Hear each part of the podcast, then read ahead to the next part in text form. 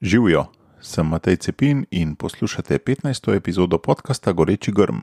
V tole epizodo bi najraje naredil kar dva uvoda, enega za skavte in drugega za vse ostale. Ko je Peter Lovšin prvič slišal za skavte, je imel 16 let. Vprašal se je, zakaj teh biti ni v Sloveniji, in takoj povabil nekaj prijateljev na srečanje, za katerega se je kasneje izkazalo, da je postalo začetek nečesa res velikega. Naslednjih nekaj let njegove celotne družine je bilo tako zaznamovanih skavti.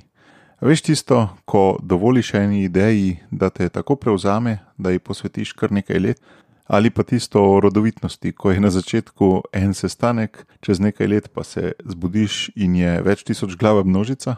No, to je bil uvod za vse ostale. Če si skaut ali skautinja, ti Petra Lovšina tako ali tako ni treba posebej predstavljati. No, ali pač tudi sam, ki sem bil pripadnik istega stega kot on, podrobnosti o dogajanju v 80-ih letih prejšnjega stoletja nisem poznal. Bi povedal svoje mnenje? Moj mail poznaš, Matej, afna, socialna-akademija.si. Najdeš pa me tudi na Facebooku, Twitterju in LinkedInu. Pa gremo kar v akcijo. Že veš, kaj je tvoj edinstven prispevek k boljšemu svetu in kako ga udejaniti? V podkastu Goreči grm razkrivamo močne zgodbe tistih, ki že živijo svoje poslanstvo, zato da lahko ti najdeš navdih, prepoznaš svoje goreče grme in pogumno stopiš na novo pot. Živijo Peter, dobrodošel v mojem podkastu. Pozdravljen, prvič v podkastu. Prvič na splošno v podkastu. Prvič na splošno v podkastu, prvič v digitalnem mediju. No, eh, sej prav za skavte, da, da so bolj v naravi kot v digitalnih medijih. Ja. Da mi povej, kdo je Peter Lovšin danes, ko je star malce čez 50 let, kako živi, kaj dela. O, Peter Lušin ni tisti od Pankrtov, to moram zmeriti v vseh intervjujih, ki sem jih dal v zadnjih več desetletjih. Sem se z njim primerjal, ker smo imeli različne prigode, blizu sva stanovala, sva imela podoben profil, sam da je on umetnik, jaz sem arhitekt, drugače pa slovenec, oče oziroma poročen. Najprej Katarino, uh, imam tri čudovite otroke, tudi žena je čudovita, malo se pošalim, da imam tri edince, Prva je stara 23, drugi je 19, tretji je pa 12 let.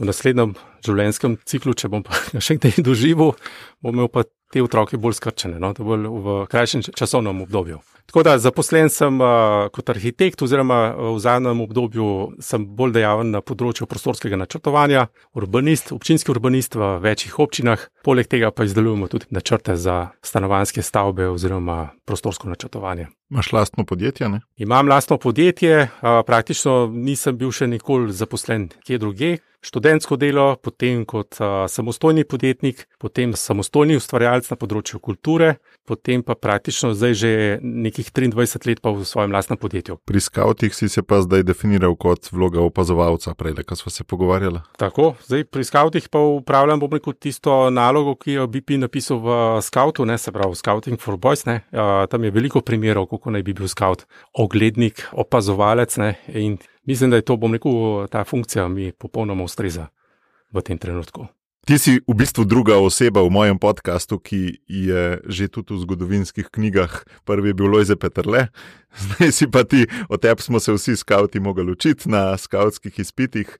Pa pejva zdaj v te tvoje začetke. Ti si skavte spoznal v zamejstvu, ko si bil star koliko, če lahko poveš to zgodbo prvega stika s skavti. Ja, skavte praktično nisem spoznal v zamejstvu. Pra, uh, skavte sem spoznal kar sam od sebe in sicer bil je en tak družinski sprehod uh, tam okoli 1. maja, ko sta imela dedek in babica obletnico poroke.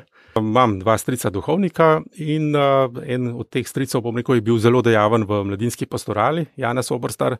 In uh, v tistem obdobju, se pravi med letom 83 in 84 je bilo veliko govora o mladih. Zakaj imajo mladi take težave, zakaj ni pastoralnega dela na področju mladih, zakaj vsi po Birmi. Ne? In to mi nekako ni dalo miru. Drugi krivec za to je bila revija Ognišče.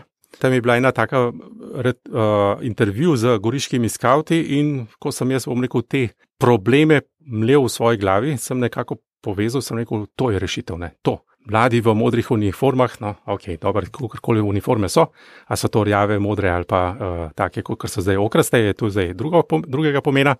Ampak to je neka rešitev. Ne? In na podlagi tega sem začel. Ne? Kakšen je bil pa prvi živi stik? Recimo živi stik, da sem sploh videl, kaj so to skavti. Ne? Potem je bilo pa splet res nekih naključij. In tukaj bom uh, uporabljal bom rekel, to naključje ali pa bom rekel neka božja previdnost ali pa neko poslanstvo. Ne? Da, ko sem uh, rekel, zakaj pa mora biti v Sloveniji samo taborniki, zakaj, more, zakaj samo ena izbira, zakaj ne more biti tudi neka druga izbira.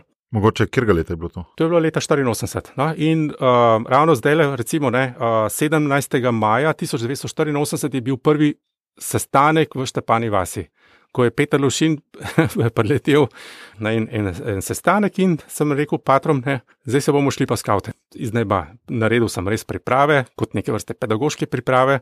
Uh, Mal sem pogledal uh, literaturo, orientacije, smeri neba, uh, bivaki imam še zmeraj vse spravljeno, to je bom rekel še v nekem obliku fasciklu. In sem rekel, gremo se.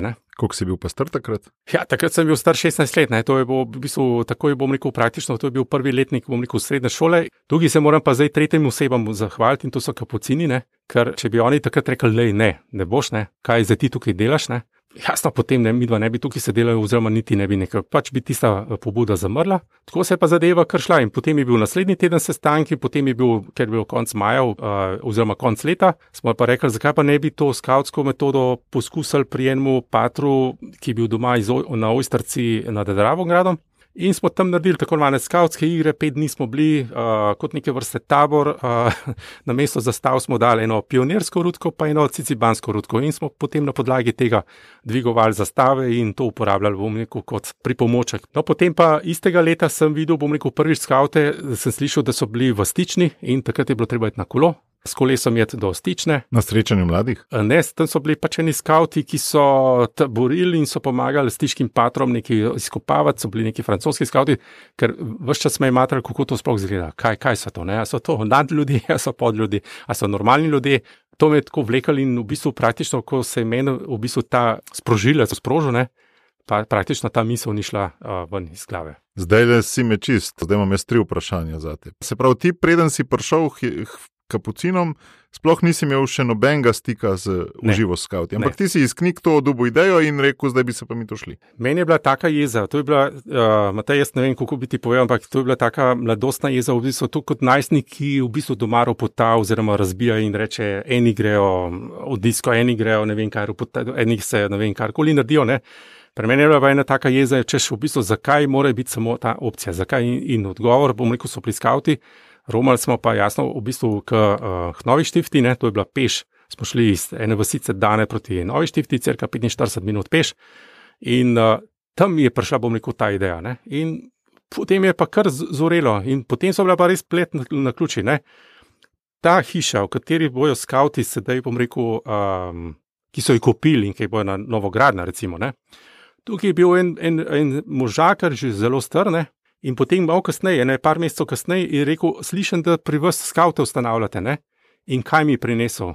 Knjigo Scout iz leta 32. Ne, se pravi, ta lokacija ne, je spet povezana, bom rekel, duhovno ali pa mentalno je povezana, bom rekel, s skautskim gibanjem, ker ta človek oziroma ta oseba, ne, gospod Bajdek, mislim, da je bil, ki so šli potem, ki so prodali uh, hišo kapucinom in so šli potem živeti na Kodeljevo. On je imel še original uh, knjigo Scout iz leta 32 in jo je podaril meni samo inicijativno, ne? nekdo, ki ima nek zanos, ne? ja, podprite ga. Kaj pa mogoče bo on, zmeri, ko gremo recimo ne, po, po ulici, pa si rečem, mogoče bo pa ta otrok predsednik vlade ali pa ta otrok bo karkoli ne? in prvošmo mu, no? da bo. To me zanima nekaj, kot drugo vprašanje, kako so kapucini reagirali na tega 16-letnika, ki je. Ali lahko bolj opišeš ta dogodek? Kako si ti prišel tja, kako so oni to reagirali? Bil je pater Miha Sokolovnik, bil je odprt in je rekel: Dejmo, ne? ni bil neutralen človek, ni se postavil v neko pozicijo, ampak je rekel, je bil zraven. Bil je na srečanju, bil je zraven, bil je potem jasno. Navzoč, čuječ. Navzoč, čuječ, čuječ in to se mi zdi, bom rekel, pomembno. Ne, da ti se rečeš, gledajte, mladi, tukaj imate prostor, vam dam vso upremo, potem pa vi delite, kaj ne delate. Ne? Če ni ena oseba, bom rekel, zraven, ki vsaj neki lepi, bom rekel, tiste odnose med sabo. In je si čutil kaj, neko zaupanje od njega ali vizijo njegovo, tudi uh, kaj si čutil od njega? Čutil sem, bom rekel, da se lahko stvar, bom rekel, da deluje naprej. Provincial je bil rahlo zamišljen, zato ker v bistvu v meni je bila pa potem tudi želja, v bistvu, da bi na nek način to zadevo legalizirali, oziroma da bi spravili v neke čist pravne okvire. Ne. To potem jasno, da je bilo to šele šest let potem kasneje. Ampak člen zakona, bom rekel, je določen, je bil zelo jasen. Ne. Vsako društvo, ki se ustanovi, bi moralo biti član Socialistične zveze delovnega ljudstva oziroma zve, uh, mladine Slovenije. Ne. In to ni omogočalo potem, da bi skavti bili nepolitični, neodvisni in tako naprej. No. Ej, koga si povabil na to prvo srečanje? Prijatelje ali to ste uznali? Malo so bili mladinci, malo so bili ministranti, oziroma to je bila en tak posrečen, bom rekel, sklop. Ne. Ampak kako si jih dobil, na kaj? Si, so že oni tudi vedeli, kaj je to? Ne, sem rekel, dajmo se dobiti tega pa tega dne in 17. maja 84, bom rekel, in zato ima tudi Ljubljana 4 ima uh, tako imenovani ustanovni dan, takrat se bo potekal Ljubljana 4 obljube, zato ker je takrat je res potekal prvi, rekel, sestanek. In potem so me malo gledali, jaz sem bil vas navdušen, niti nisem gledal odzivov, ali so bili oni proti ali niso bili proti, oziroma malo so me začudeno gledali, ampak to ni dolg časa, bom rekel, trajalo. No, potem je bilo nekaj časa, bom rekel, zatiše. Z skauti sem se prvič srečal šele leta 85, ko je bil uh, Life Aid ali bilo 84 leta. Mislim, da je bilo enkrat je bilo takrat in jaz sem zamudil Life 8. No. In sem tehto, eh, kaj grem jaz na Life 8 ali grem na, na Scout. Kaj pa je bilo to Life 8? To je bilo tisto, kar je bilo uh, koncert za pomoč lačnim v Afriki, kjer je bil glavni uh, junak Bob Geldof, Bono na drugi strani po televiziji. Po televiziji in, mhm. in bilo celo spomnim, ja. julija, bom rekel, je bilo to. In jaz sem bil pač pristaš, ker že takrat smo se mi šli, bom rekel, ali si ti bolj punkar ali si rokar ali kaj si, bom rekel, ali si šminker. Ne? Potem sem šel pa na skautsko srečanje, potem šele hnim. Ne? In, in sem, kaj te je tam presenetilo? Tam je pa res šokiralo, ko se je zbralo, uh, goriški skavci so, so v tistem obdobju še taborili vsi skupaj. In praktično je bilo na kupu 70 mladih fantov in deklet, od najmlajših do najstarejših. Kjer je starost? To je bila, so bili izvidniki, ne? izvidniki plus vočiči. Oni so imeli praktično samo, da so imeli, bom rekel, malo ločena tabora, ampak so praktično skupaj taborili. Jasno, jaz nisem imel pojma, jaz sem samo staršem rekel, da grem en dan pogledat ali pa za dva dni grem pogledat s skavtom in na koncu sem ustal jaz tam pol uh, praktično en teden. Ampak to so bili vsi mlajši od tebe, kakšno vlogo si pa tam imel? Jaz sem se kar priključil v eno vodo, mene so dali v vod, ampak tisto srečanje, tisto je bilo impozantno na začetku. Ne? Eh, zbrali so se vsi v kvadratu, In potem na enem takem prostranem travniku, v dvoru pri Žuženbergu, tisti župnik mi povedal, kako te mogo jeti uh, na partijo, uh, na zagovor, ker so bili skavti leta 84, v bistvu tam ne. Ampak to, to je bila že druga tema. Vsi so se zbrali v tem tako imenovanem kvadratu in potem je načelnik Mauro Leben predstavil, poglejte, tukaj med nami je Peter Lušin, novi pobudnik uh, skavtov v Sloveniji. In sem rekel, jaz kot pobudnik, jaz sem zdaj se prišel samo pogledat, nisem jaz tista oseba, ki bo karkoli v bistvu naprej nadaljevala. In jaz sem z njimi se vklopil, bili so, bom rekel, malo mlajši od mene, recimo, da so bili mlajši dve, tri leta, recimo, da so me vod Bobrov.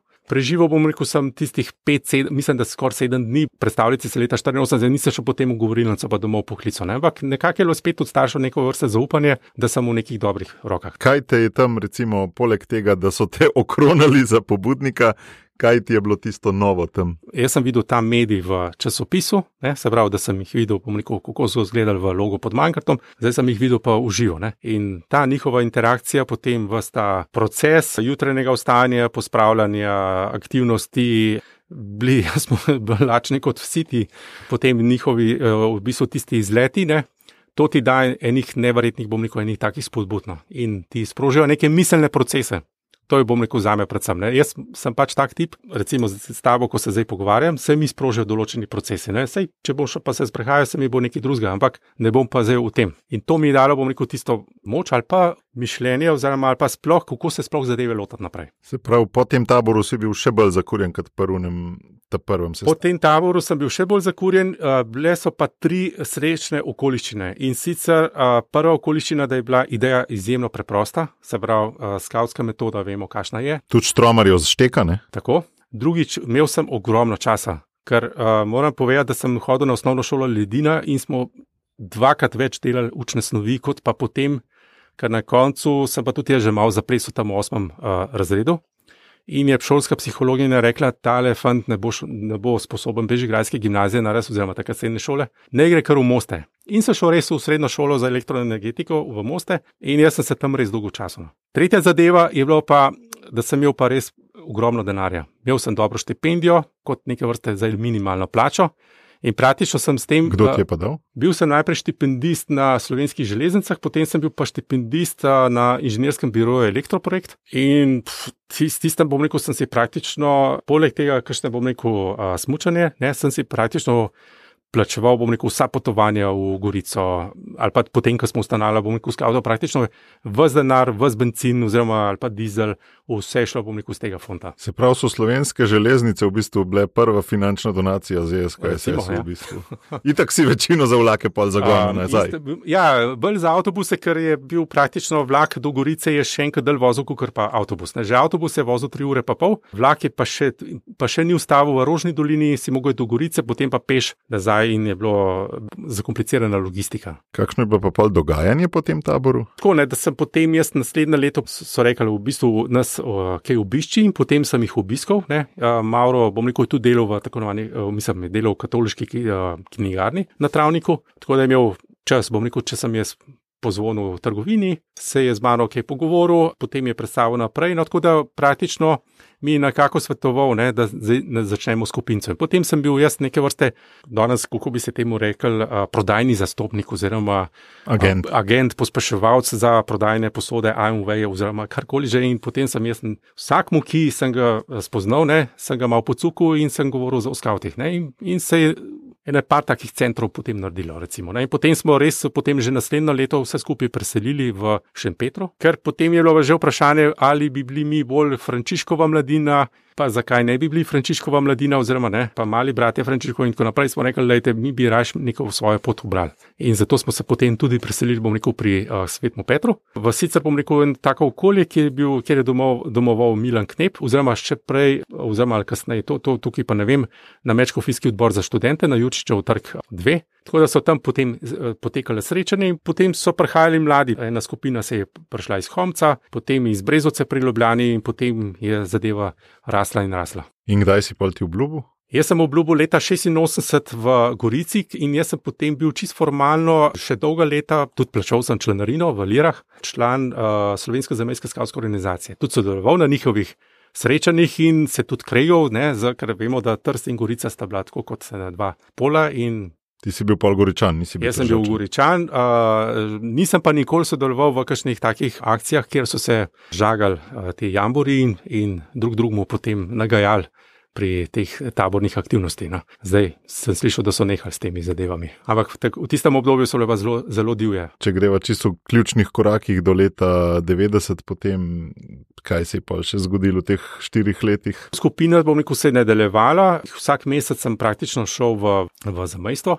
Recimo ena taka prigoda, ki jo mogoče še nisem nikoli tako le povedal, ne, zmeri, ko sem prišel nazaj, oziroma dolga leta kasneje sem se spraševal, zakaj me zmeri po želodcu zvije, ko sem šel čez Rožno dolino takrat, ko si star 17, 16 let, nisi imel niti ni v pamet. Bom rekel, ne, da vsakeč, ko sem prišel nazaj, skavtske aktivnosti so se v Gorici zmeri končale v nedeljo, ker oni so imeli ob sobotah tuče pouk. In potem sem jaz uh, naredil prehod čez uh, mejo, in tam so me včasih zadrževali tudi po 3-4 ure. Potem, mnogo let kasneje, sem slišal, ne, da je bil pač oseba, ki je spremljala gibanje tako imenovanih jugoslovanskih državljanov. Uh, smo hodili, bom rekel, čez mejo. Jasno, ko smo prišli nazaj, ker me niso mogli več obtožiti, so pač me na nek način zaprli v neko sobo in so rekli: čakaj, in sem tam čakal. Ne. Zdaj, danes bi rekel, je to ikratanje državljanskih pravic, odvetniki. A takrat sem pa kar čakal, pa čakal, ne. Pa je bila to ena ura, dve, dve ure, tri ure, do, tudi do štiri ure sem tam bil v eni sobi za tako imenovano zaslišanje. Ampak to, nisem, to sem vzel kot igro, ne. to nisem vzel kot za res. In potem sem šel zmeri na zadnji avtobus, ne, to, zadnji avtobus je bil zmeri tam v pol devetih in zmeri sem prišel potem v pol enajstih, potem v Ljubljano. Ne. Pa pa drug dan potem v šolo, ampak je bilo lepo. No. In koliko si je takrat bložil? A si bil ti prvi slovenc, mislim, prvi nezamejc, ki je obljubil prnih po vojni, ali so bili še kakšni drugi? Po mojih spominih naj bi v Trstu oziroma v Ankaranu poskušali, ampak potem mislim, da ni šlo. Ne. Ko smo gledali to zgodovino nazaj, je skautsko gibanje tako, kot da bi uh, s kresilom prižgal ogenj. Udariš v kamen ob kamen ali pa recimo tisto dreto ali karkoli že. In zdaj se užge ali se pa ne užge. In v 50-ih, 60-ih letih mislim, da je tudi profesor Ham poskušal, bom rekel, ustanavljati skavte, pa mu ni uspel. Ne? Pa moj stric, to je že, že v 50-ih letih so poskušali, bom rekel, te stvari pa ni šlo. Ne? Eno zaradi takih in drugačnih, bom rekel, zadev, ne? zaradi situacije, ali pa nekje se je prijelo, nekje se pa ni prijelo. Ne? To je v bistvu tako kot klasično, bom rekel, ne mogoče. En, en razlog, jasno, je bila sigurno ta politična, bom rekel, te sfera, drugo je pa ali se v nekem določenem okolju uh, prime. Ne. In pol, kako se spominjaš ustanovitve združenja? Pet splet nekih na ključi. Ne. Jaz, bom rekel, sem šolo zaključil, sem upravil vojaščino. V vojski sem ponovno zelo aktivno spremljal, bom rekel, vse, kar se je uh, bilo na področju taborništva oziroma tako imenovanem, bom rekel, skautsko-taborninskem področju, ker tisti starejši, bom rekel, se spomnimo, da je bil vsak ponedeljek bil en podlistek, v, ki je bila športna stran v, v časniku Delo, je Aleš Stargar, bom rekel, napisal, bom rekel, en članek in potem sem dubil neke določene novice, bom rekel, iz takrat tudi Slovenije. Ne. Se pravi, v vojski, uh, v vojski nisem imel nobenih problemov zaradi tega, kar sem bil, ne. sem bil celo v eni vojaški policiji, ne. mnogo kasneje sem pol videl, da sem imel tudi udbovski doseno, tako da se bom rekel, s temi stvarmi pohvalim, recimo, ne me malo. To zaradi zamejstva. Zaradi Jaz mislim, zamejstva, oziroma rekel, to pomeni, da tudi tako imenovane dijake je tajna policija, bom rekel, spremljala. Tako da mi smo se, bom rekel, malo da, sej nas noben opazuje, sej krpejmo, ne pa tako naprej. Ampak očitno je bilo nekaj na tem. No. Tako da po vojski v bistvu smo potem začeli zares delati na tem, da bi ustanovili društvo. In ko se je ustanovila Slovenska kmečka zveza, je v bistvu moja soseda Marija Markeš, ki je bila tajnica pri Slovenski kmečki zvezi, ne, mi je pomagala, da smo začeli pripravljati statut. Ona je vedela postopek. Ona je vedela postopek, oziroma je vedela, bom rekel, za, za statut, stanovala isto na Zaloški in um, mi je korigirala, popravljala, potem smo nekaj pre, prepisovali iz uh, italijanskih, zamejskih statutov, domišljali si, kako bojo vse pokrajine, kako bojo, ne vem, pač imeli so velike oči. In potem je bil spet en splet na ključi. In, in sicer, da je bila ena taka obdobje po veliki noči, oziroma velika noč, in me moj oče vpraša, ti, koliko pa si ti izpito naredil na fakulteti za elektrotehniko? O, sem rekel, vse, veš, sem nekaj naredil, izpito, veš, vse sem naredil, veš, v Brambo sem naredil, sem celo devetko dubu, ne, ja, kaj pa ostalo, ja, tam sem pa tako, veš, med pet pa pol, pa med tako, veš, še nekaj popravljal, ne, jasno, v bistvu z tega ni bilo, nič iz moje karijere elektrotehnika oziroma elektroinženirja. In potem je moj oče izstrelil, ko si stopa, kaj pa boš, kaj pa boš, ne. No, takrat med skavti sem imel pa enega Jureta Kunavarja, ki pa rekel, le jaz pa nočem biti arhitekt, to je pa brez veze, arhitektura tole ni za me. Ne? In v tisti sili sem se pa spomnil, arhitekt bom, ne? v redu, če boš pa arhitekt, se pa tako le zmenva. Če narediš spremne izpite, greš na arhitekturo, če ne narediš, greš pač delati. Ne? In jaz, jasno, nisem naredil spremnih izpitov in potem sem postal navaden električar in takrat v tistem obdobju, leta 88 oziroma uh, 89-90, sem bil jaz navaden električar. Žice sem vlekel, fangal in tako naprej, ampak vmes sem pa vsem hodil uh, na fakulteto za arhitekturo in se učil risati. No, in bila zanimiva potem izkušnja, ko je bilo pa treba. Prav na predavanje, ko so bila odprta. So bila risanje, je bilo, ne? ob sredah popovdan je bilo, od, od 4 do 6 zvečer je bilo risanje. Potem, A ne za študente, uh, za širše. Takrat uh, ni bilo tako, kot je zdaj, ko so vse pod kodami in vse pod šiframi, si prišel, si narisal, profesor je to ocenil, rekel, to je v redu, to ni v redu, in potem je ne dvakrat, ko uh, je bila zadeva v redu, ti da spet nekega zagona pa reče si, vse si napravimo, potem, potem jasno, da sem naredil uh, spremne izpite z lahkoto. Ampak zakaj to govorim? Zato, ker. En let kasneje, v bistvu. Ja, en let kasneje, ampak to govorim zato, ker na betonovi tri je, oziroma tam, včasih je bil tam fototivoli, oziroma od zadaj je bila pa betonova tri. Uh, smo mi v spodnji kot električari delali eno, eno gledališče, upremljeno žicami, to je bilo ogromno, šop kablov, kilometre kablov, mešalne mize in tako naprej. Betonova pet, pa vemo, kaj je bila tam, ne, je bila pa ministrstvo za notranje zadeve, oziroma tam je bil včasih sedež tudi Udbe in tako naprej. In tam se je potrjevalo, oziroma se je potrjeval statut Združenja slovenskih katoliških skavtin. Tako da jaz sem potem samo tisto kvazi uniformo, delovsko obleko, streshu prah, jo dal v torbo, rekel, da grem jaz na malco in se šel na sekretariat za notranje zadeve in sem tam težil in sem rekel, lejte, pa dajmo to popraviti in tako popraviti in tako naprej. In skozi smo dobivali neke popravke, kajti mi smo že septembra 89 je bil prvi tako imenovani občni zbor na Brezovci in smo tam potrdili uh, statut. Potem smo pa morali hoditi na uh, ministrstvo oziroma takrat sekretariat za notranje zadeve, da se je zadeva, bom rekel, popravljala, korigirala in skozi je bilo nekaj narobe, skozi. Ne. Jasno, so rekli, fanti, malo še počakajte, ne, še malo počakajte.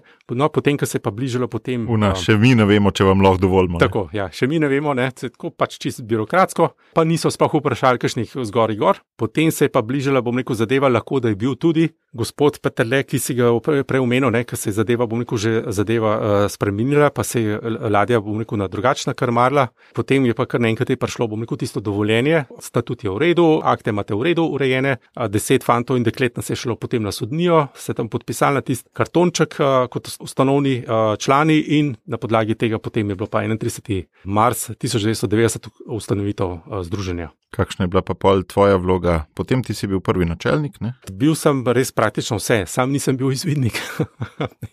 in dobro, da imam uh, toliko mlajšega otroka. Letos sva šla prvič na orientacijski, bom rekel, pohod, februarja in sem užival, ker nisem bil nikoli na orientacijskem pohodu, ker so ga postavili zaradi teh korona ukrepov, so ga postavili tako, da sva lahko šla samo dva. Ne.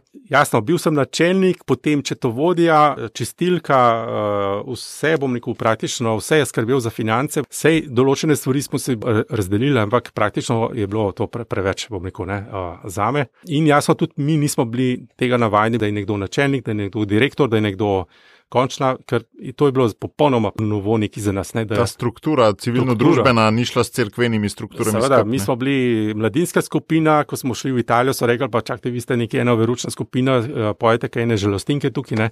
ko so nas italijani, bom rekel, zmeri kazali. Mogoče, če se sam vrnem, prvi stiki z katoliškimi skavti italijanskimi so bili že leta 89, no? da je bil en kontingent oziroma mednarodni tabor in smo tudi mi taborili tam kot uh, v okviru zamejskih skavtov. Ne? Nismo imeli tiste, bom rekel, še tak, tako imenovane prave strukture, skavtske strukture, ki bi bili polni zanosa, polni poleta, tako kot so zdaj. Recimo, ne. Koliko so pa zamejci pomagali v vsem tem obdobju? Velik, ne? Mi smo imeli neke vrste željo, da bi bili svetovno priznani. To je bila, uh, ali je bila to samo naša, bom rekel, ali pa mi smo imeli, bom rekel, tudi eno napačno vizijo. No? Bom tukaj kar uporabil ta izraz. 20 let kasneje je prišla ena knjiga, ki jo je napisal en uh, nizozemec. Na podlagi dokumentov, ne, se pravi leta 98, je opisal vse tako imenovane vzhodnoevropske uh, skautske organizacije, kako so nastali, kdo jih je ustanavljal in med njimi tudi ZSKSS. Ne. Zdaj si zamislite, to je na podlagi nekih dokumentov, ki jih je dobil v Ženevi, ne? takrat ni bilo še interneta, ne? se pravi, v bistvu, ampak je dejansko zelo, zelo verodostojno, bom rekel, napisal in po, potem tudi jasno vse intrige. Brez in, da bi govoril z vami. brez da bi govoril z mano in brez da bi govoril z SKSS, tam je priznano, da je je imel uh, Svetovna skavtska organizacija že leta 1988 strategijo do vzpostavitve tako imenovanih postkomunističnih skavtskih organizacij. Če bi mi to vedeli, v bistvu ne, se ne bi sploh zaganjali, ne. Mi smo pa šli praktično z glavo skozi zid, si tam res polomil buče, energije je šlo preveč. Dejansko bi v bistvu mi pustili in bi rekli, da je hvala lepa, nas ne zanima in bi šli, bom rekel, po neki drugi poti. Ej, po mojih merilih je šlo tudi pol 2005 do 2009, nekje, ko sem bil jaz v izvršnem odboru, se niso letnice čistočne, preveč energije ja. v te zaganjanja mednarodna. Tako. Ker je, ker je zadeva bila leta, os, ker je bila strategija res določena, potrjena na najvišjih nivojih, ne, praktično to pomeni, da tako imenovan zahodni svet, ki ga imamo mimo, včasih malo zaputazga, ne, tam so v zadnji neke strategije, tam vejo, kako se zadeve strežejo, ampak mi naivneži, vključno bom rekel z vsemi, bom rekel tam Mačari, Poljaki in tako naprej, smo se pa v neki zaganjali. Ne. Tam je bila pa jasno določena, bom rekel, zadeva in uh, mi smo celo dobili obisk str- strani Svetovno skavtske organizacije, šli k predsedniku predsedstva skupaj s taborniki, gospodu Kučanu. Jaz imam z njim tudi malo tako zanimivo izkušnjo, ker je bila njegova ščerka, bila moja sošolka, recimo, ne, Na arhitekturi. Ne? ne, v osnovni šoli. Na je bil. Eno ima tudi arhitekt, kot hčer. Ena je pa krajinska arhitektka, je pa starejša od mene. Ne? Uh, ampak jaz proti njemu, zdaj, da ne bom kakšnega bogokletja povedal, ne? on je vsak dan v polenih čakal njo, da jo odpelje domov. Ne? Kater oče bo neko čaka svojega sina in svojo ščerko pred šolo in jo odpelje domov. Ne? Včasih smo se pošalili, smo rekli, špela, pet z nami, gremo malo v po ulicah tam okoli uh, centra. Ne, ne me ta čaka ne? in jo odpelje domov, ne? Ker je bil čez cesto v službi. Ne? v Zvezi komunistov in tako naprej in tako nazaj. No, tako da, in potem je meni rekel na tistem sestanku, ne, a ja, vi pa tudi tukaj zdravo, ne, jasno, ker je vedel, kdo sem. Tako da, zmeri se potem najdejo neka taka naključja, ampak tako posrečena taka naključja, ne, da nisem imel ne vem, kakšnih takih problemov, ampak se pa izkazuje, bom rekel to, ne, da vsem pa je bilo malo tako zanimanje, ne, da nisem kar en tam mulci iz uh, most doma. Ej, da mi tole še povej, kako je pa bila arhitektura, je šla v skladu s tem, pol sprejemce si naredil z enoletno zamudo? Ja, sej to je bil pa tisti problem, ne, ker arhitektura pa ni šla v bistvu. No, in to je tisto, kar so se tudi prej pogovarjala, da jaz sem bil, ko smo se predstavljali, kaj sem, ne, kot načelnik, ne, to pač je bila neka funkcija, pa smo hodili v, v Ženevo, je bilo lepo pa sem šel v Rim ne, na njihovo svet združenja, recimo ne, italijanski, pa sem bil predstavnik svetovne organizacije v UNESCO, recimo ne, so me malo delegirali samo zato, da so me malo poboškali, če vse mi vemo, kaj bomo s tabo naredili pa vemo, kakšna je tvoja usoda, ne? in tako je zapečatena, ne? ampak malo pa ne še traja. Zato sem hodil po raznih svetovnih uh, srečanjih v Pariz, pa UNESCO, Pariz, pa take zadeve. Ne? Ampak posod so me pa naslavljali, luje e, e, e, e, električista, ne? se pravi po slovensko, ne? on je pa električar. Mislim, meni je šlo to res malo na živce. No? Mislim, pa tudi iz naše strani, ne, sej ne, ne bo iz tega lošina, nač, sej ne bo, ne, tudi določene kroke je rekel, ne, ki so bili um, mnogo starejši. Ne, od mene so rekli, pa se iz njim ne bo načel, tole se je zagnil, unogor dol, tukaj le bo skavte, trajbo in tako naprej. No, in potem je spet nastopil en izuit, uh, Ivan Žužek. On je pa sam rekel, ne, in mi dal pa primer, ne, je rekel, lej, jaz sem imel dva fanta v življenju, bom rekel, stara, stara 40 let, ne. En je rekel, skavti so mi vse v življenju. Se ni poročil, nima otrok, študija ni naredil, ampak še skozi prskavtih in tako naprej. Drugi je rekel, lej, jaz bom pa te skavte malo prekinil, pa se odločim, bom rekel, še nekaj za nekaj drugega, ne. Tako da odhod sem naredil pri Goriških skavtih v Trnovskem gozdu. Formalno sem bil razrešen, bom rekel, ne tistih zadev, jasno sem bil v bistvu potem načelnik, bom rekel, Združene slovenskih katoliških skavtov in skavtov. Ampak ta odločitev potem je pa v meni kluvala, ne? kaj zdaj tukaj naresne. A tukaj zdaj poprijet ta študij ali ne poprijet. Ne? Potem je bila vojna za Slovenijo, potem smo se nekako upisali, bom rekel, ne, eh, v, v eh, ta sistem, šel sem, bom rekel, naprej, drugi letnik sem naredil, potem je še bolj začel zadevo kljuvati, potem, ker so bile pa tudi jasno, bom rekel, razumljivo, ne, notranja trenja, kje pa niso med kakšnimi organizacijami, kje tudi v družini so notranja trenja, med zakoncema, družino in tako naprej. Ne. Jasno, mi pa teh stvari nismo bili navajeni, mi smo bili navajeni, da je to vse lepo, to naše občestvo, bom rekel, je tako prijetno. Ne, uh, Škaj je bila navada? Mi, moramo, mi kristijani, moramo skrb držati, ker Tako. če mi ne bomo, nas bojo oni odzuni še bolj sesuvali. Ja. No, in potem so se taka in drugačne pogledi, in potem se pa jaz sprejel pa potem eno odločitev. Ne. Sicer je bila res težka, uh, ker jaz sem skavti v stol, šel z njimi spat, uh, preveč na njih mislil in za let tole se bo zapeljalo, tako kot se moja, bom rekel, tale elektrotehnika, se bo potem pa tudi arhitektura zapeljala. Ne, takrat je bilo res hudo.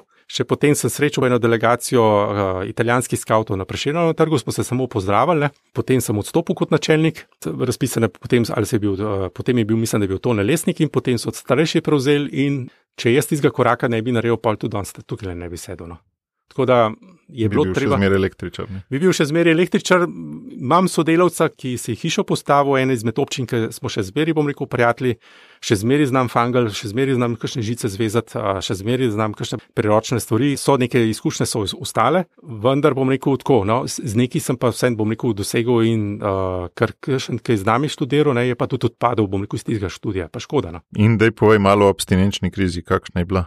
Jaz praktično sem karikirano rečeno, kot da bi se šel neko. Ne pod zemljo, ampak da bi en um, blazni marmorni pokrov dal nad temi skavti, samo zato, da ne bi več butal ven. Se pravi, da ne bi, v bistvu, da bi za dušo, bom rekel, vse tiste ustvarjalnosti. Jaz sem videl še toliko enih izzivov, toliko enih, kaj bi se dal narediti. Uh, skavti smo bili radiomaterji, skavti smo pomagali, kar je ta. So takrat smo naredili tako imenovano prvo repetitorsko mrežo, bom rekel, ne. ko je bila vojna v Bosni, smo Karitasu uh, pomagali, da smo praktično v zvonik uh, Kodelovske cerkve nastavili repetitor, mi smo imeli, mislim, radijske postaje, pokojni vrčon nam je omogočil, da smo dobili te radijske licence znajdljivi. Ker kamor smo prišli, smo nekaj organizirali, smo postavili ne, zadeve. Ne. In potem pa kar naenkrat pa ni, ni več tega, ni več teh izzivov. Po čustveni plati je bilo kar pestro, no. bom rekel, kar zanimivo, ne, življenjsko obdobje. Kaj ti si pa za knjigami sedel? Jaz sem rekel, potem pa zdaj začnem samo študirati, samo arhitekturo, in potem spet sem bil nemirnega duha. In potem sem v tretjem letniku s, s, s profesorjem, z enim profesorjem, leta 96 ustanovila prvi tečaj AutoCAD, oziroma da smo arhitekti sploh risali. In ko smo končali ta tečaj, smo dobili po pet služb, popraševali, pridite nam risati tako naprej. Potem sem jaz. Ti si bil organizator. Jaz sem bil organizator, oziroma jaz sem bil pobudnik tega, potem sem se naučil, potem sem šel v en biro in potem sem kar naenkrat ugotovil, da to, ta študij, ki ga mi delamo, je to totalno brez veze, da v, v nekem biroju je tam nekaj narišeš, potem to nesel na gradbišče, naredijo in to vidiš sadove svojega dela. Ne? To je res nekaj fascinantnega potem. Ne? Jasno, delaš pa potem blazne napake, potem, ampak se učiš ob nekih neki, uh, starejših kolegih, potem pa je bilo spet nevarnost, da pa tudi študija tam ne bom naredil, da bom samo spet študent, da bom absolvent. Ne? Tako da potem se je vse srečno tako išlo, da sem potem tudi diplomiral. Si se zelo matral? Matral sem se zato, da sem potem tiste izpite vse naredil. Ne? Pa takrat se je nekako še v bistvu dal, da smo lahko v enem dnevu se in upisali in še dva izpita naredili, pa tako naprej. Na danes so stvari bistveno drugačne, kot zdaj vidim po naš, mojih potomcih. In bolj, manj svobode. Ne? Tako, manj svobode. Tako da združenje sem se uh, res ogibljal. Na kolenih so me prosili, da sem bil še nekaj časa stegovodja, v Ljubljana 4, tako, ampak sem bil stegovodja samo z eno nogo. Lepo pa že jaz pridem zraven. Potem pa že prideš ti zraven in jaz sem bil takrat že tudi malo psihično zmatrano, ker sem preveč stvari za res vzel, ker mislim, da to je moja glavna napaka, da preveč stvari vzamem za res. Bili so pa tudi neki razhodi, si rekel, razhajanja. Na kateri ravni je bilo pa to, na ravni identitete ali pristopa ali samosebna, ali, ki so tudi pripomogla k temu, da si mal prej zapustil. Ja, bili so različni, jasno, pogledi. Zdaj, jasno, v vsaki organizaciji so lahko taki in drugačni pogledi. Ne? Jaz nisem bil navaden ne voditi, nisem bil navaden ne, mislim, znal sem organizirati, to sem bil, tukaj sem bil ekspert. Osebinsko ne, bi moral pa vsak, vsakemu posamezniku prisluhniti. In vidim zdaj kot recimo direktor svojega podjetja, ne, da praktično 70% je neke psihologija, nekega vodenja oziroma prepoznavanja tistega, ki, ki ga ti vodiš, pa tudi če je zaposlen. Ne. Premalo si se z ljudmi ukvarjal. V bistvu. Ja, seveda, ne, ker smo gledali, v bistvu, uh, noro sem, v bistvu samo premočrtno. Ne. Treba je priznanje, laufali smo po ministrstvih, svojo afiniteto smo vlavljali, zadnji so bile pa tudi neke določene potrebe. Ne. In potem so bile potrebe ne, uh, v povzgojni plati, potem so se skupine začele ustanavljati uh, v postojni, v crknici in je postala bila zadeva neobvladljiva. Jaz sem pa bil malo bolj nagnjen k temu, ne, da sem rekel, da to je moja zadnja beseda, kako zdaj mimo mene delate. Ne. Tako da, dal se bi marsikaj zadeval s pogovorom, oziroma z neko širino, pa z nekim, rekel, z nekim premislekom se bi marsikaj dal narediti. Ampak, škoda je lepo, zdaj... da ne kriviš drugih, ampak da dejansko govoriš tudi, kje si ti bil še šibek, ker pač pa, nisi teh kompetenc. To je, to je pa tista, ki se mi ti izval, bom rekel, najprej, ki se mi dal uh, zapisne, kje sem jaz, kaj sem jaz dobil, bom rekel, od skavtov. Jaz sem dobil to, da najprej postaviš pegu sam sebe. Ne? ne, da jaz krivim tebe ali pa da krivim, jaz ne vem, lahko ste vsi krivi. Ampak kaj sem jaz naredil za sebe? Ne? Doma, pri ženi, a sem jaz, da se. Uh, je kaj huda, kaj pa če sem jaz kaj narobe naredil, isto pa v otrocih. Ne?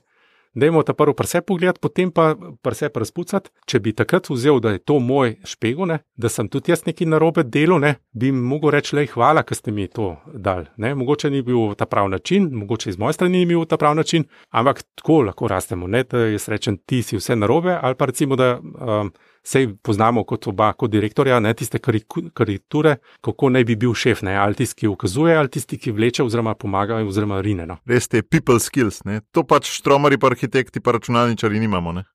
Po defaultu. Ne, tega mi nimamo, ker arhitekture je bilo zmeri tako, da je plečnik upal ugovarjati, ne tisti pač je šel. Ne, zato v bistvu so se tudi plečniki odprli. Zato je pač plečnik dubo, bom rekel, tako imenovano naslavno, bom rekel, slavo. Ne, in v bistvu je pač šla neka nova smer, ali pa so za nalač šli v Kurbizev v, v Pariz, to je pač en bil zelo modernističen, bom rekel, arhitekt, ne, ki je bil kot neke vrste kubist, ne? on je pa neke vrste šel, bom rekel, sej zanj je bil en zelo dober zapis, ne, uh, molči in uh, uh, služi. No? Tako je po nemško napisal, ko so mu enkrat mu dali plečniku neko provokacijo. Da so mu dali eno publikacijo z nekimi zelo modernističnimi zadevami. Ne. Ni znoro, ni, ampak je sam napisal ne, po nemško, ne. molči in služi. Pa tudi Mojzes, ne, ki je simbol, ki je navdih za ta podcast, je 40 let, bolj ali manj v puščavi, živel, um, ustrajno mlev naprej. Ne. Zato pa pridemo lahko do tega, recimo, ne, zakaj BP ne, kot ustanovitelj skavtov šele pri 55 začel ustanavljati skavte. Recimo, tudi ko so se prej pogovarjali, ustanovitelj katoliških skavtov, ne, kaj se z njim zgodilo. Ne. On je bil kot mlad jezuit, ustanovil leta 20 katoliške skavte. Ampak njega so leta 34 vrgli ven iz, od francoskih skavtov. Ne? Se pravi, da je nekaj na tem, da vsaka, bom rekel, zadeva, ne? posebej če so mladi mehovi, da se ta lahko zadeva, po domače povedo, razpoči. Ne? To so pač to je organizacije, to je v bistvu to je tako imenovana skupinska dinamika in mi teh izkušenj, niti veščin nismo imeli. Na nek način bi lahko rekla, da če te kot ustanovitelja kdaj vržejo ven, si opravil dobro svoje delo, ne? ker si vzgojil toliko proaktivnih za sabo. Na, mogoče na ta način, recimo, ne? zdaj, ko gledam, bom rekel zgodovinsko nazaj, je mogoče res uh, lahko pritorujem. Zdaj pa so skavti šli svojo pot, tudi vmes uh, se je čas zelo, zelo spremenil. Internet, mladina, druga država. Kako ti zdaj glavne razlike med skavti v 80-ih in sedanjimi ocenjuješ? Mogoče tudi z vidika tega, kar smo zdaj le priče v zadnjih letih, koliko so še katoliški, koliko niso in tako. Ja, to je zdaj eno tako zanimivo vprašanje, ki sem ga videl, recimo, že 30 let nazaj. Ne bom dal direktnega odgovora, oziroma bom ta, ta odgovor podal bolj v smislu, kako bi temu rekel, razmerja oziroma naših dialogov. Recimo, Točno pred 30 leti smo se vozili iz Rima do Vidma z vlakom. Ne? In ta sta bila dva skautska voditelja, ki sta pač uh, spremljala slovence in sta se pri Ferencah začela kregati. In to je bilo kreganje, bom rekel, tako, da ne vem, upitje, zjanje, tananam, in sta nehala, mislim, da ali pri Benetkah ali pa Portugalu. Ni bil še to šok, ne? najhujši šok je bil ta, da ko je bilo konc tega kreganja, zjanja, tuljenja, upitja, prepričevanja, da sta se potem poslovila, vprašala, jutri se slišva kako se kaj in tako naprej. Ne. To je bil za me še največji šok, ne. ker slovensko se skregamo, mi se skregamo za ne za eno, ali pa mi se skregamo za dve generacije potem naprej. Ne. Teh 30 let že skozi smelem. Ali mi lahko naredimo neke vrste debato, tudi bom rekel isto misleči, ne? to smo spet pri unem prejšnjem vprašanju, in potem gremo pa na neko, ajde, pivo ali pa sok zaradi mene. Ne? Čeprav sem bil zelo eksekutor, bom rekel, ker je bil alkohol, ker sem rekel, kakšne cigarete sem jaz takoj to zavohal in vse pobral in to sem bil jaz strah in trepet pri skavtih da se ni kakšnih takih ekscesov delal. Da... Na neki pač gremo, ne? in da, res tako. je tako. Pri nas gremo, če je sreča po treh generacijah. Ne? Tako, tukaj bom rekel, pa tako. Jaz praktično do leta 2, ko je bila 25-letnica skavtov, jaz do 25-letnice praktično nisem nič skavta spremljal. No. Se pravi, od tistega obdobja, praktično od leta 97, takrat sem se, 96. leta sem se poročil, do 25-letnice skavtov, se pravi do 2015, praktično jaz nisem spremljal, potem, ko, se, ko je bila pa ta humilija in ker se v humiliji načkov vprašal, ali so to še katoliški skavti. Oziroma, tam je pisalo, bom rekel, celo povedal je, ne, da je mu ena mama v imenu uh, pisala in da nekaj hudo uh, paža pri skavtih in da je veliko sekularizacije in tako naprej. In ti sme je jasno, bom rekel, to je bil spet trigger oziroma sprožilec ne, in se začel kopati kaj je zdaj to, ne? kaj, kako. Ne? Ampak tam sem jaz mogoče spet čisto odkrito povedal, naredil napako. Ne? Sej Peter Lošin ima toliko avtoritete, pride tja, da, da malo bo poprašal, ne? napaka. Ne? E, tako kot je rekel, če se je korenito spremenil, drugačni odnosi, internet, da, da vse stvari. Mladi so popolnoma drugačni, vidim po svojih otrocih, namesto da bi se pogovarjali, četajo, namesto da bi se neko pete v slašičano, pa vam dam jaz bom rekel tistih 15 evrov, pa boste se tortice kupili, ne, oni so vsak za svojo sobi, tipkajo in tako naprej. No, tako da so popolnoma drugačni eh, eh, odnosi. In to je bilo spet tisto moje, bom rekel, zanimanje. Ne. Zdaj, v svetovnem merilu ali pa v evropskem merilu posod so neke take vprašanja o teh tako imenovanih katoliških skavtih. Tako da To je kaj en tak družbeni prelom. Jaz meri temu rečem, da so skavti, zakaj so zanimivi? Zato, ker so tako kot neke vrste lakmusov papir, noter pomočeš in vidiš, kam se zadeva pri mladinskem delu, oziroma pri mladih, kam se to obrača. Ne? In potem imate v svetu različne situacije. Ne? Recimo, ne vem, če gremo od Argentine. Ne? V Argentini se je ravno leta 2015 zgodilo, bom rekel, tisto, kar se ni noben želel, ne? da je Škofovska konferenca prekinila po stotih letih vse stike z katoliškimi skavti. Recimo, vemo za Boy Scouts of America, ki je implodirala, ne? praktično se je ukinila po stotih letih.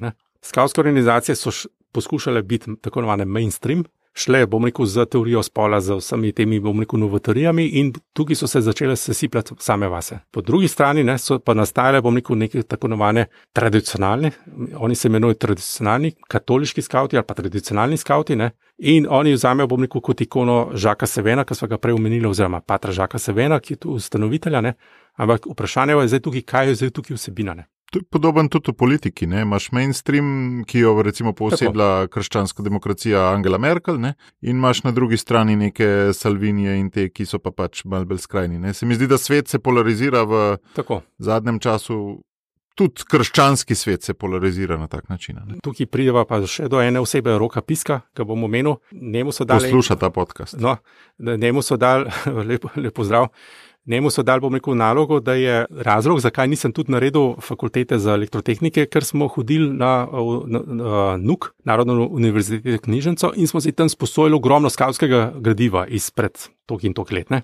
leta 23, 28 in tako naprej. Ne? In smo to brskali, da smo sploh videli, kaj so to skavti. Ne? No, potem, ko je pa on prišel, bom rekel, ne, je pa jasno zdaj vse vektorizirano, ko je dal besedo skautstvo, ne, ni najdel nič, ko je pa dal besedo skautizem, se je pa umr, odprlo eno ogromno enih zadetkov. Ne. Ampak za me je bolj to strašljivo. Ne. Leta 1939 so, so, so se na Kodelevo ustanovili katoliški skauti. Ne. In potem pravi, bom rekel, tam sta se jutro pa slovenec, ne. spet bipolar, oziroma plus pa minus. Recimo, in so uh, jutro je zaničljivo govoril, da uh, zdaj bomo imeli pa neke posebne skaute, ki se imenujejo še katoliški skauti in tako naprej. Ne. Slovenec jim je pa odgovoril, ne.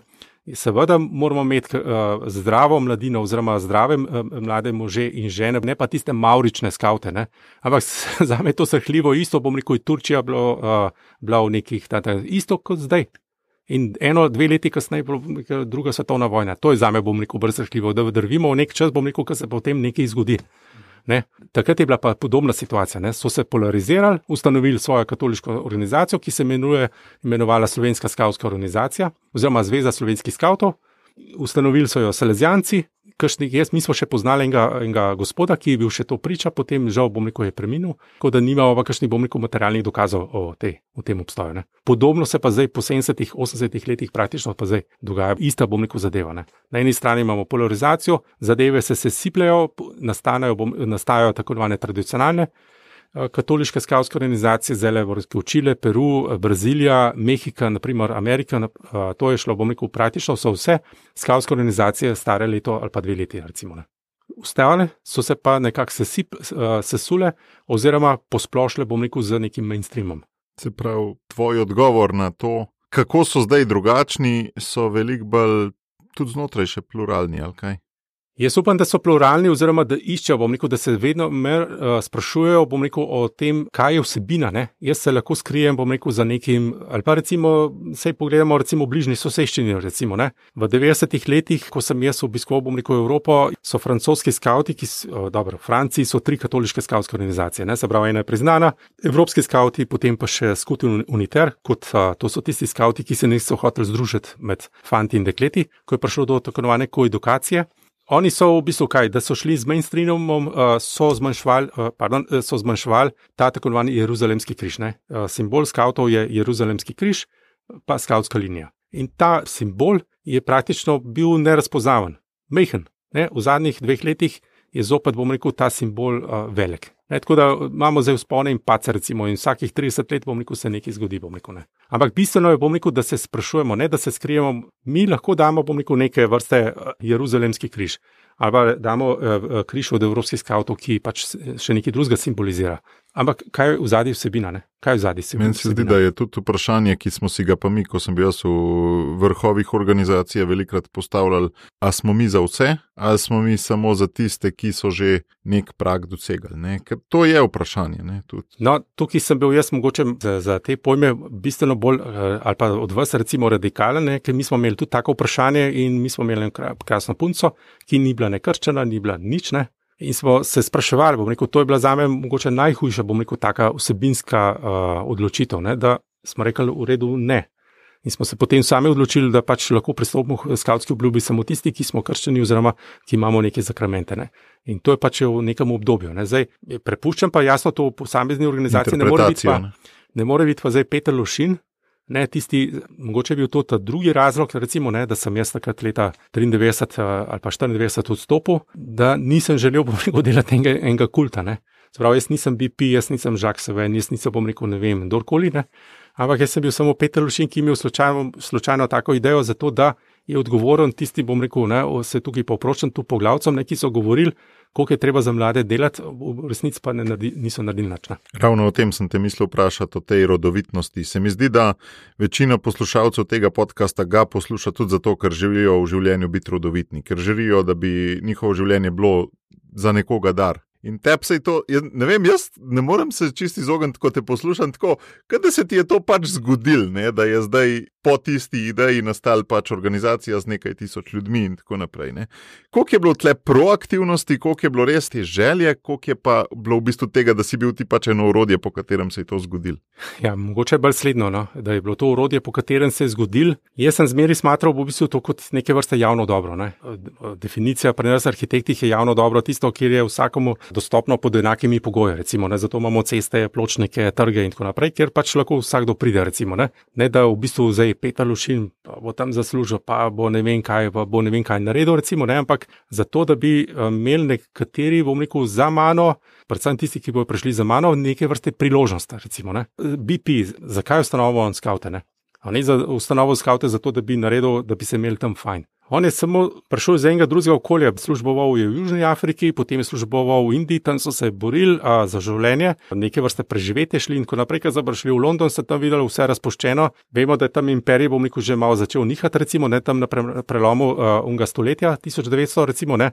Bili so taki drugačni cesi, ogromna, bom rekel, industrijska revolucija, a, ekspanzija, tako kot zdaj, recimo ne, dobiček, dobiček, dobiček, na drugi strani imate pa ogromno nekih revnih, ampak predvsem v glavi revnih, bom rekel, ljudi. Ne. Različne oblike revščine. Tako, različne oblike. Tako, ja. In to je njega, bom rekel, spodbudil, ne, da je zadev spostavil na takšen način. Vse on je dal tudi kot poizkus. Pa mogoče še malo uh, gospa kaj, Montessori pomagala, recimo. Ne, v istem letu 1900. Tako, tako in je zadeva, bom rekel, in pa se je poprijela, recimo, ne, in se je poprijela na takšen način, da je bila uspešna. Ne. Tukaj je bil pa tudi je bil ta namen, recimo, no, da se, bom rekel, predvsem za mlade. No kakšen bi bil recept a si molil ti, da bi bil rodoviten, ali dejansko se je po nesreč zgodil, ali kaj, kakšen bi bil recept, da bi bili rodovitni? Ha, jaz mislim, da se pre, treba prepustiti, oziroma da treba biti na nek način spet opozovalec. No. Jaz, mogoče mi je bilo pa prav napisano, bom rekel na kožo, da sem a, neke vrste izvidnik. Ne. Recimo zdaj v mojem področju uvajamo neke vrste robote, ne, ki je recimo popolnoma nedoumljivo, ne, recimo, ne, da se v urbanizem spušča neke robote oziroma neke avtomatizirane, bom rekel, procese, ne. ampak v zadnje bom rekel, ne vem, toliko in toliko podatkovnih zadev in tako naprej. In tukaj smo spet, bom rekel, na nek način oremo ledino. Ne. Zmeri sem, se najdemo v neko, ne, neki taki vlogi, ki me zanima. Ne. Oziroma, tudi rasel sem v takem okolju, v eni oazi, za zidalnem otoku, kjer je bila omeja Ljubljanica, Zaloška Kajuhova. To je bil čist neke vrste za zidalni tak otok. In vsako leto smo imeli neke tematske, bom rekel, sklope, ko smo bili mehni. Enkrat smo naredili za vse mlade, tam smo naredili filmsko delavnico. Jaz sem imel navadno usmico, oziroma moj oče, sosed je imel super usmico in smo takrat naredili prvi film. In smo ga predvajali v neki kolesarnici, v kolesarnici vse učistili, dobili bomo rekel neke risanke in smo takrat za otroke naredili take. Rekel, in take aktivnosti ne, nismo imeli moten s sosednjimi klapami, ne, ker smo bili tako odmaknjeni. Ne. Edine sovražnike smo imeli tako imenovane štepancarje ne, na drugi strani, k, ampak je bila reka vmes, noben ni mogel preplavati čez. Ko so pa most naredili iz Štepanskega v moste, potem pa te napetosti možnosti ni bilo. Ne? Tako da so take, bom rekel, prigode, ampak tudi tam smo bili, pa sem bil tako proaktiven skozi. Čeprav sem bil še enkrat bolj suh, še enkrat bolj droben, še enkrat bolj ne vem kaj. Ampak ta duh pa je bil. No, te, uh, si bil malo voditeljski tip že v klapah? Tudi, nisem bil voditelj, mogoče sem bil pa ogromen sanjač, ogromen sem sanjal. Ogromen sem, bom rekel, bil v enem svojem svetu, oziroma v enem uh, takem, bom rekel, sem si določene stvari predstavljal in uh, to sem si ponavljal, ponavljal in potem je kar ratelj. Ej, tudi arhitektura je bolj sanjaški poklic kot štromarija. Ne? Moja prva eh, poklicna želja je bila, da bi bil kamerman. Na Zaloški je bil, so imeli takrat železničari, borci, so imeli vsakeč 15. aprila, je bil tisti. Zdaj, pri podvodnem možu je bil celo založko zaprl in so kamer, kamere naštimali, potem so imeli tiste proslave. Mene so najbolj fascinirale kamere. Jaz sem šel tam zaradi kamer, nisem zaradi tega, bom rekel, da bi spremljal tisto proslavo. Ne. Potem sem si najbolj želel, da bi bil uh, risar. Ne. In potem sem študiral, oziroma sem malo sprašval in prva taka, tako imenovana grafična, da bi bil res izdelovalec risank, ki je bil v Zagrebu. Ne, sem v Zagrebu, ne morem študirati. Ne. Moj oče je imel pa neizmerno željo, da bi bil en sin, da bi bil elektrotehnik ali pa elektroinženir, en bi bil elek, pa strojni inženir, ne, pa se ni šlo, rekel, ne, moj brat ni strojni inženir, je naredil srednjo strojno šolo, jaz sem srednjo naredil, ampak On je drugega poklica, jaz pa drugega poklica. No. Zanimivo je, da si zdaj, ko si govoril o svojih sanskih poklicih, vsi so vizualni. Ja. Tudi arhitektura je tako vizualen, ker si na koncu pristal, ne? elektrotehnika ni, ne? so pa za me tudi. To poklici, sploh arhitektura je poklic z veliko vizije. Ne? Se pravi, najprej se zgodi stvar v tvoji glavi, neka vizija, potem se pa čez par let še v realnost. Tukaj se mi zdi ta paralela. Ne? Tudi skavte si začel z eno veliko vizijo, z enim veliko, lahko rečemo, jezo, da pač se o mladih sam govori, neč se pa ne naredi. Ne? Ampak poleg te vizije se mi zdi, da imaš tudi užigalno vrvico. No? Da si tudi, to je zdaj eh, največje priznanje, kar ti ga lahko rečem, da si tudi tako neumen, da si začel. Hvala. Ampak tukaj pa spet se zgodba ne konča, tukaj treba pa mladim zdaj pomagati, ker mladi v bistvu imajo pa zdaj drugo, drug problem. Oni imajo bistveno več informacij, oni imajo praktično celo enciklopedijo v žepu in ko oni začnejo projektirati, oni začnejo z Googlom projektirati. Ne? In tukaj je zdaj ta narkovalna varnost, ne? ker nas so še učili, ne, da je zadeva interdisciplinarna, da je recimo posebej prostor, da ni to samo, bom rekel, vizija arhitekta, ampak da je tukaj nekaj tudi komunalni inženir, da je tukaj neki konzervator, da je prometnik, uh, ogromno nekih poklicov in potem se nekaj rodi, ne? tam je treba imeti neke vrste dialog, potem pa še občinski svet, polje politika. Mi smo bili vzgajani še na podlagi nekega seminarja, se pravi, učitelj ne, te je skozi korigiral, ne? se pravi, ti si bil v nekem tako kot stari menih, mladi menih ali pa ne vem, učitelj, pa mlad učitelj. V vajniškem odnosu. V vajniškem odnosu. To je bil še, bom rekel, še ta princip. Tega pa danes ni, ker ima vsak vizijo, takoj narediti uh, podjetje. On vidi kopalnico na internetu, on, on jo ne vtipa, on ne vidi, bom rekel, nehodno gradbišče. Ne. In tukaj jim je treba pomagati, oziroma in spet so tukaj skavti, bom rekel, priložnost. Ne. In zakaj ne bi v bistvu njim pomagali, da bi otipali, ne. kaj pa on ve, recimo, uh, biti arhitekt. Jaz tudi nisem vedel. Ne. Tako kot je rekel Žak Seven, ko je ustanovil uh, katoliške skavte, pravi skavti malamo ali pa pleskamo eno sobo, ne. pa ne zato, da bi bili vsi pleskari, ne. Ampak zato, da bi bil mogoče eden od, mi, od njih pa slikar. Hvala, Peter prvič, da si prišel v ta podcast, drugič pa za tvoje dejavnosti v 80-ih, brez katerih sem prepričan, da ne bi bilo moje skavtske poti in tudi tega podcasta. Ne. Hvala za uh, povabilo in da sem prvič v pogumu, da res sproščeno govorimo o tej svoji preteklosti. Tudi na stara leta, kakšno novo stvar ušpičaš. Tako. Hvala.